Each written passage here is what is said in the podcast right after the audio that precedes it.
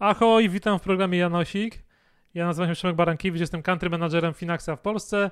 Finax, podobnie jak Janosik, pochodzi ze Słowacji, ale spokojnie nie będziemy, jak Janosik, uczyli was, y, jak grabić możnych, tylko jak czerpać trochę bogactwa z rynku kapitałowego, a uczą tego moi goście i dzisiaj jest taki bardzo fajny, sympatyczny pan Artur Wiśniewski z portalu y, stockbroker.pl.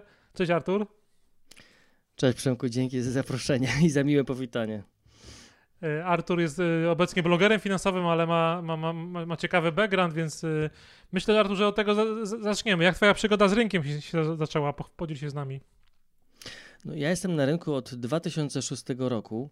I zaczęło się moje zainteresowanie w ogóle inwestowaniem od tego, że ktoś u mnie w rodzinie potrzebował zainwestować pieniądze, a ja byłem osobą wysoko wykwalifiko wykwalifikowaną, bo akurat skończyłem studia ekonomiczne, więc czułem się osobą najbardziej kompetentną w rodzinie, więc zacząłem od doradzania innym, jak e, mają inwestować. To na początku były fundusze inwestycyjne, nie miałem wtedy żadnego doświadczenia, po prostu uważałem, że skończyłem SGH, czyli znam się więc zacząłem od doradzania. Pojawiły, to był rok 2006-2007, więc pojawiły się początkowo nawet pierwsze sukcesy. E, natomiast e, potem przyszedł rok 2008, który pokazał, że e, ta wyższa uczelnia to trochę mało i, i to była taka pierwsza duża lekcja, lekcja inwestowania, którą dostałem od rynku bym, y, i pamiętam, że miałem takie przemyślenia od, y, po tamtym doświadczeniu, że mm, to naprawdę nie jest dobrze, jeśli pierwszy nasz kontakt z rynkiem, pierwsze doświadczenie jest pozytywne, bo możemy nabrać błędnego przekonania, że coś potrafimy, że to jest takie proste i wtedy bardzo łatwo jest w szybkim czasie zaangażować większe pieniądze y, lub no, inwestować w sposób mm, bardziej ryzykowny, na większą skalę, a, a wówczas podejmujemy no, duże ryzyko, bo możemy po prostu stracić te pieniądze łatwo. Jasne to. Doradzałeś bez licencji KNF-u, mam nadzieję, że KNF tego nie, nie słyszy. To y, kolejne pytanie, skoro masz doświadczenia y, i w doradzaniu innym, y, to pokaż, powiedz nam sam tutaj, naszym słuchaczom i, i widzom, z czego byś miał swoją emeryturę? Czy wierzysz w ZUS, czy masz jakieś inne mm, zaskórniaki? Jak inwestujesz na emeryturę? Y, moja emerytura myślę, że będzie bazowała na trzech y, takich moich osobistych filarach. Znaczy osobistych. Pierwszy filar to jest ZUS, natomiast obawiam się, że to będzie bardzo słaby filar, y, ponieważ wiemy, jakie są statystyki, jeżeli chodzi o demografię. Wiemy, że cały czas wraz z upływem czasu spada ten wskaźnik, który się nazywa stopa zastąpienia, czyli wskaźnik, który pokazuje, ile będzie wynosiła nasza emerytura w stosunku do tego, ile wynosiła nasza ostatnia pensja.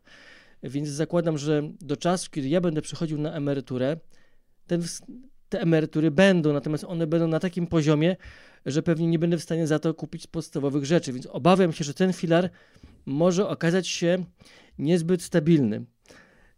Drugi filar e, to po prostu moje prywatne oszczędności. To jest w zasadzie główny filar, e, w którym pokładam nadzieję, że będę mógł z tego przeżyć w tak zwanej jesieni życia.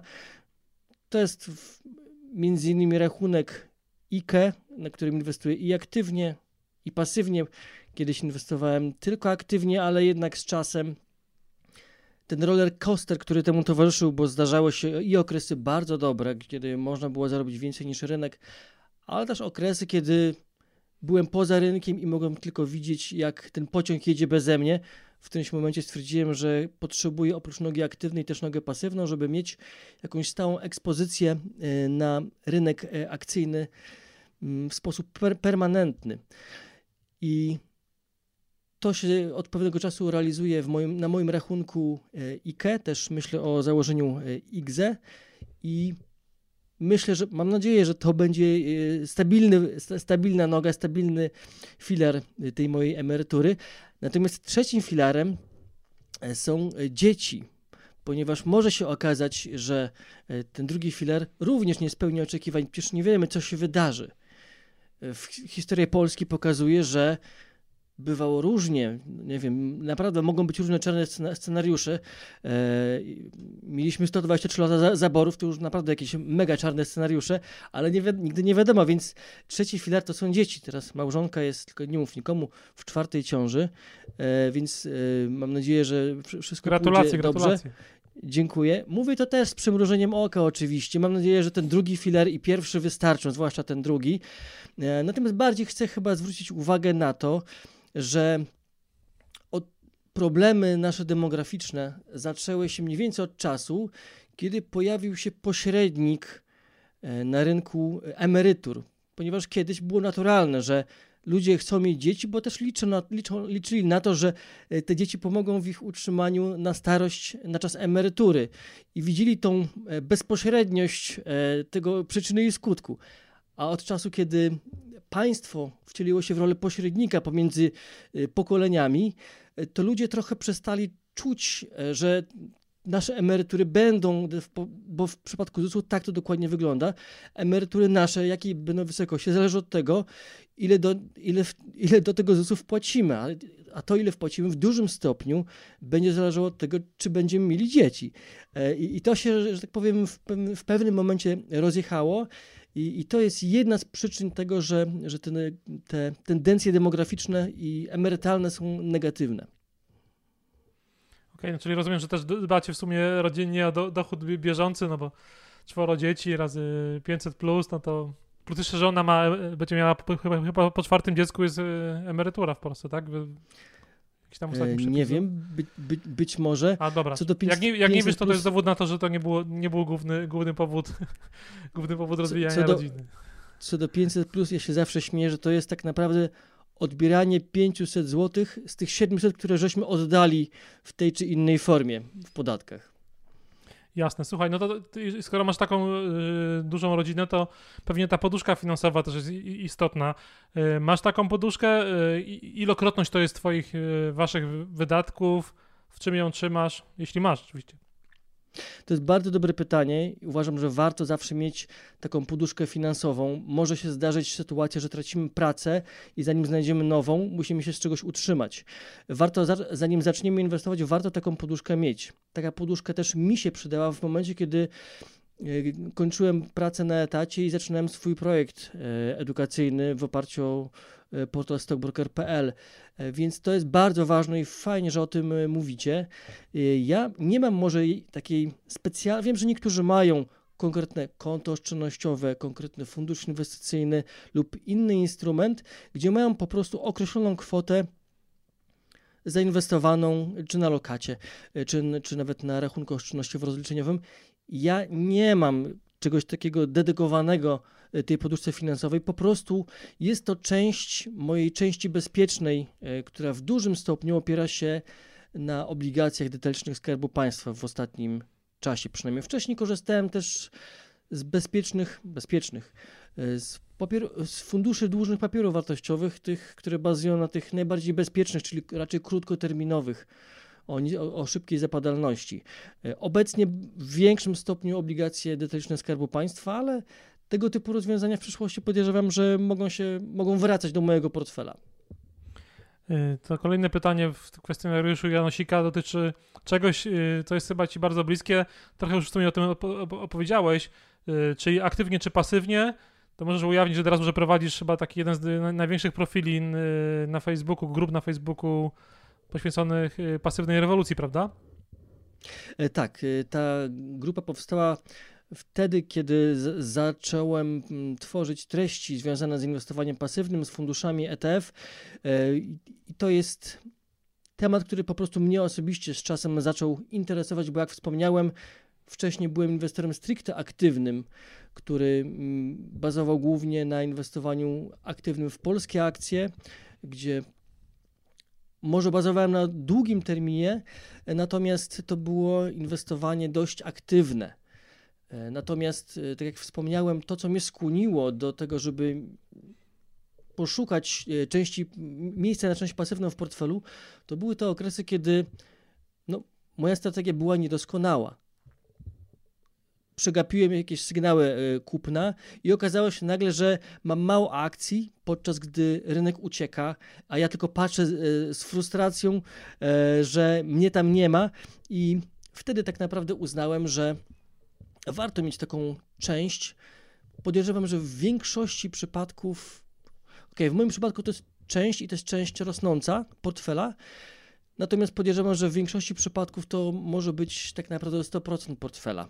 E, myślę, że trudno jest generalnie inwestować aktywnie. To pokazują już nawet nie te statystyki forexowe, gdzie widzimy na tych reklamach, że 80% graczy forex traci pieniądze, ale też e, statystyki ze Stanów Zjednoczonych dotyczące po prostu inwestorów indywidualnych, nie, nie tych forexowych, tylko ogół, ogółem, gdzie inwestorzy aktywni, no aktywni, nie wiem czy są aktywni, ale jeżeli w długim terminie przeciętny inwestor zarabia tyle co inflacja albo mniej, podczas gdy dwa razy więcej dają, y, przynajmniej historycznie dawały obligacje, czy, czy jeszcze więcej akcje, no to widać po prostu, że to wynika z nieudanego y, timingu, y, z, nieudanej, z nieudanego inwestowania aktywnego.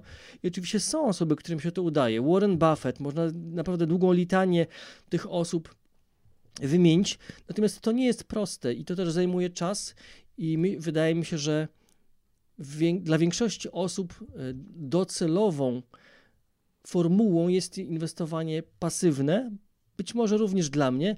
Natomiast paradoksalnie ja zachęcałbym każdego do tego, żeby spróbować inwestowania aktywnego, e, bo możemy się wtedy przekonać, że to nie jest takie proste. To oczywiście może zająć trochę czasu e, i, i ja tutaj cały czas. Okay, to, też jest, to też jest moja pasja, więc e, cały czas interesuję się również tą e, częścią aktywną. Natomiast wydaje mi się, że warto spróbować cho choćby dlatego, żeby się przekonać, że to nie jest proste i aby utwierdzić się, się w przekonaniu, że inwestowanie pasywne może być dobrą alternatywą. No dobra, to to kolejne pytanie, globalnie czy lokalnie? Jeżeli chodzi o inwestowanie aktywne, ja inwestuję lokalnie, bo znam ten rynek. Jest takie powiedzenie, koszula bliska ciału i ja e, mam wrażenie, przynajmniej łudzę się, że mi to pomaga. E, I jeżeli chodzi o inwestowanie właśnie aktywne w oparciu o akcje polskie, e, to, to lokalnie. Natomiast w tej części globalnej staram się, w tej części pasywnej staram się raczej wychodzić globalnie i inwestować e, szeroko geograficznie. O ile w przypadku tej części aktywnej nie ma to, to takiego dużego znaczenia, ponieważ tam mam dość mm, jasno określone momenty, kiedy wychodzę. To nie jest tak, że ja tam inwestuję w długim terminie i liczę na to, że te spółki, które mam, zawsze będę miał i one się, i to są akurat te, które się najlepiej zachow zachowają. Tam no, mam podejście bardziej aktywne. To ma znaczenie, uważam, większe w tej części pasywnej, ponieważ tutaj zakładam długi termin i, i bierność. Nie zamierzam z tym e, za dużo robić, więc to rolą indeksu jest to, jego konstrukcji, e, żeby wymieniały się te spółki z gorszych na lepsze re, regularnie, żeby te gorsze odpadały i żeby to się działo za mnie. E, I w tej części ważne jest też to, żeby nie mieć tylko jednego rynku, ponieważ jeden rynek może się gorzej zachowywać niż reszta świata. Jacek Lempart pokazywał bardzo fajne materiały na ten temat, nie tylko rynek japoński, ale wiele innych, teraz już nie pamiętam e, wszystkich, ale pokazywał, że jest wiele rynków, które gdybyśmy spojrzeli na historię ostatnich kilkudziesięciu lat, to są pod kreską. Wobec tego warto jest mieć, jeśli inwestujemy tak właśnie pasywnie, jednak szersze spektrum geograficzne. Żeby nie szukać daleko tego bliżej tej koszuli, no to największe spółki w Polsce te, też są w perspektywie kil, kilkudziesięciu lat są, A są tak, pojęciu realnym. Od tego pewnie warto byłoby zacząć. No dobra, ale skupmy się na tej koszuli bliższej ciału. Jakbyś mógł jedną rzecz zmienić na polskim rynku, miałbyś taką magiczną moc, yy, to co by to było? Gdybym tak powiedzie, miał powiedzieć bardzo ogólnie, to regulacje. Z Unii przyszło bardzo dużo regulacji, bo one przede wszystkim z tego kierunku pochodzą.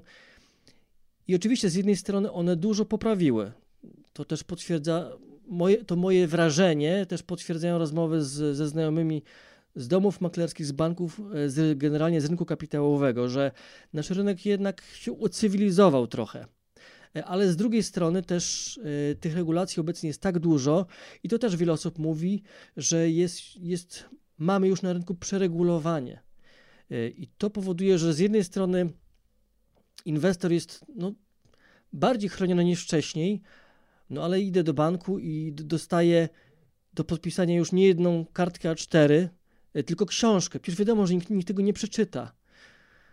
I to już nie jest chronienie wcale, to jest tylko um, instytucje tak naprawdę mają dzięki temu za, zabezpieczenie, że gdyby doszło do jakiegoś um, niesprzyjających, niesprzyjających okoliczności sprawy sądowej, to oni są kryci. Ale tak naprawdę to już nie sprzyja rynkowi. Więc y, uważam, że ta, ta, te regulacje są takim największym y, problemem. Mhm, czyli ten mityczny gold plating, no bo u nas w Polsce jest trochę tak, że Bruksela, na którą narzekamy często nadregulację, coś, coś y, sugeruje, a polski scenariusz, polski wariant implementacji jest najbardziej restrykcyjny z możliwych, więc to trochę jest nie tylko wina tej, tej unijnej, unijnej centrali.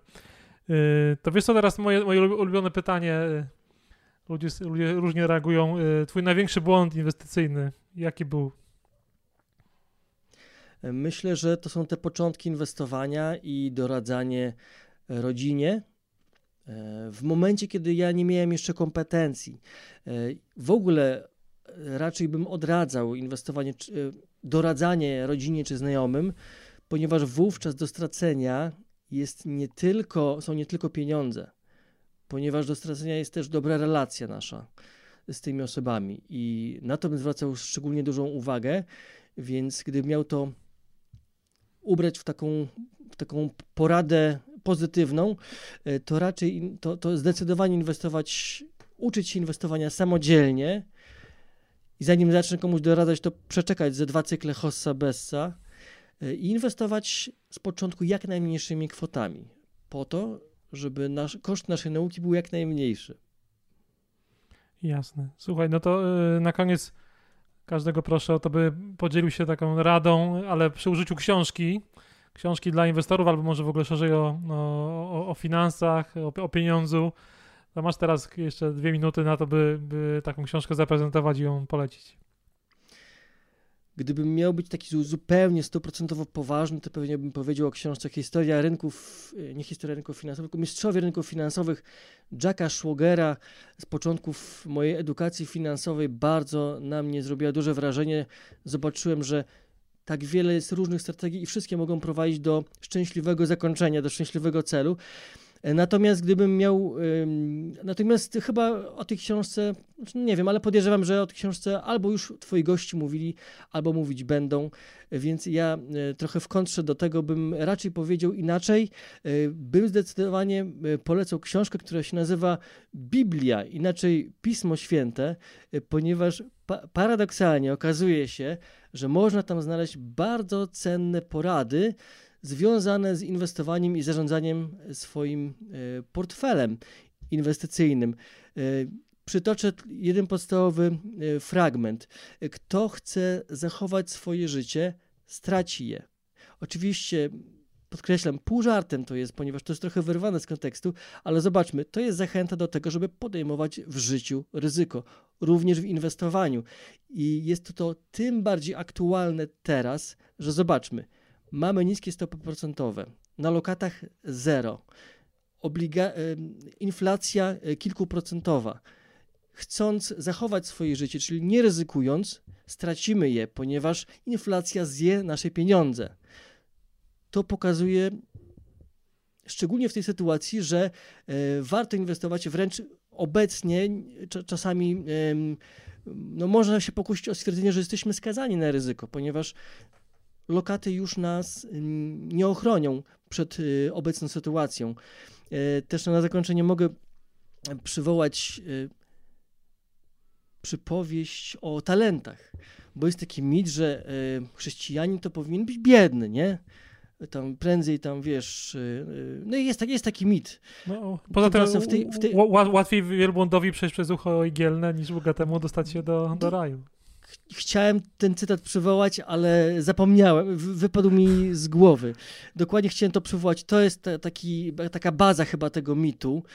Tymczasem trzeba patrzeć na to słowo w całości i mamy z jednej strony słowa, o którym powiedziałeś, ale z drugiej strony mamy przypowieść o talentach, kiedy ten gospodarz wynagradza tych, te swoje sługi, którzy pomnażają te talenty, które są im powierzone. Oni zarządzają tymi aktywami efektywnie.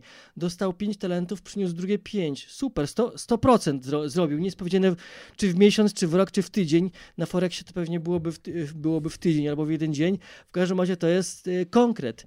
E, natomiast oczywiście nie jest tak, że to pomnażanie nie jest tak, że powinniśmy być biedni. E, powinniśmy być efektywni. To pokazuje e, w pewnym stopniu ta, ta przypowieść, ale też oczywiście inwestowanie czy zarabianie pieniędzy szerzej e, nie powinno być też takim naszym celem samym w sobie, bo to też nam ostatecznie szczęścia nie przyniesie, więc powinniśmy umieć żyć i z pieniędzmi, i bez nich. I to jest taka, e, taka, taka oznaka tego, czy, czy mamy zdrowy, zdrowy, zdrowy stosunek do pieniędzy. Ja nawet w jednym z, z, odcinków Janosika mówiliśmy, przytaczaliśmy też cytaty z Talmudu, więc jakby warto, warto czytać nie tylko, nie tylko y, pisma finansowe, ale też y, pisma święte. Y, słuchaj Artur, bardzo, bardzo Ci dziękuję bardzo za Twoją szczerość, za taką otwartość.